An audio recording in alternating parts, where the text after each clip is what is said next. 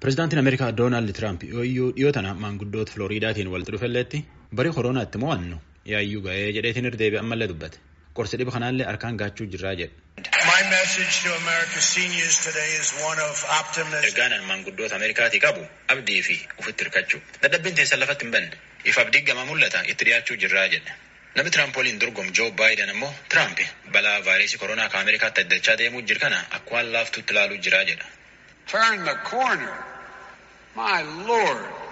It's not disappearing. In fact, it's on the rise again. Irratti jijjiirra ee waaqi bitta isuma akkum jedhan kaan akka raallee caala dabalaa deemuu jiraa jedha yoo waan vaayirasii koronaa dubbatu. Ameerikaatti nama kum dhibba lamaatiif kum digdama caalaatti koronaa kanaan lubbuu dhabe. Akka Yuunivarsiitiin Ameerikaa Joons Hopkins gabaasa baafteen jettetti. Akka ogeeyyooti jedhanitti vaayirasiin kunin ajandaa silaa namii irratti mari'atu. Akka gabayaa walaabaa fa'a.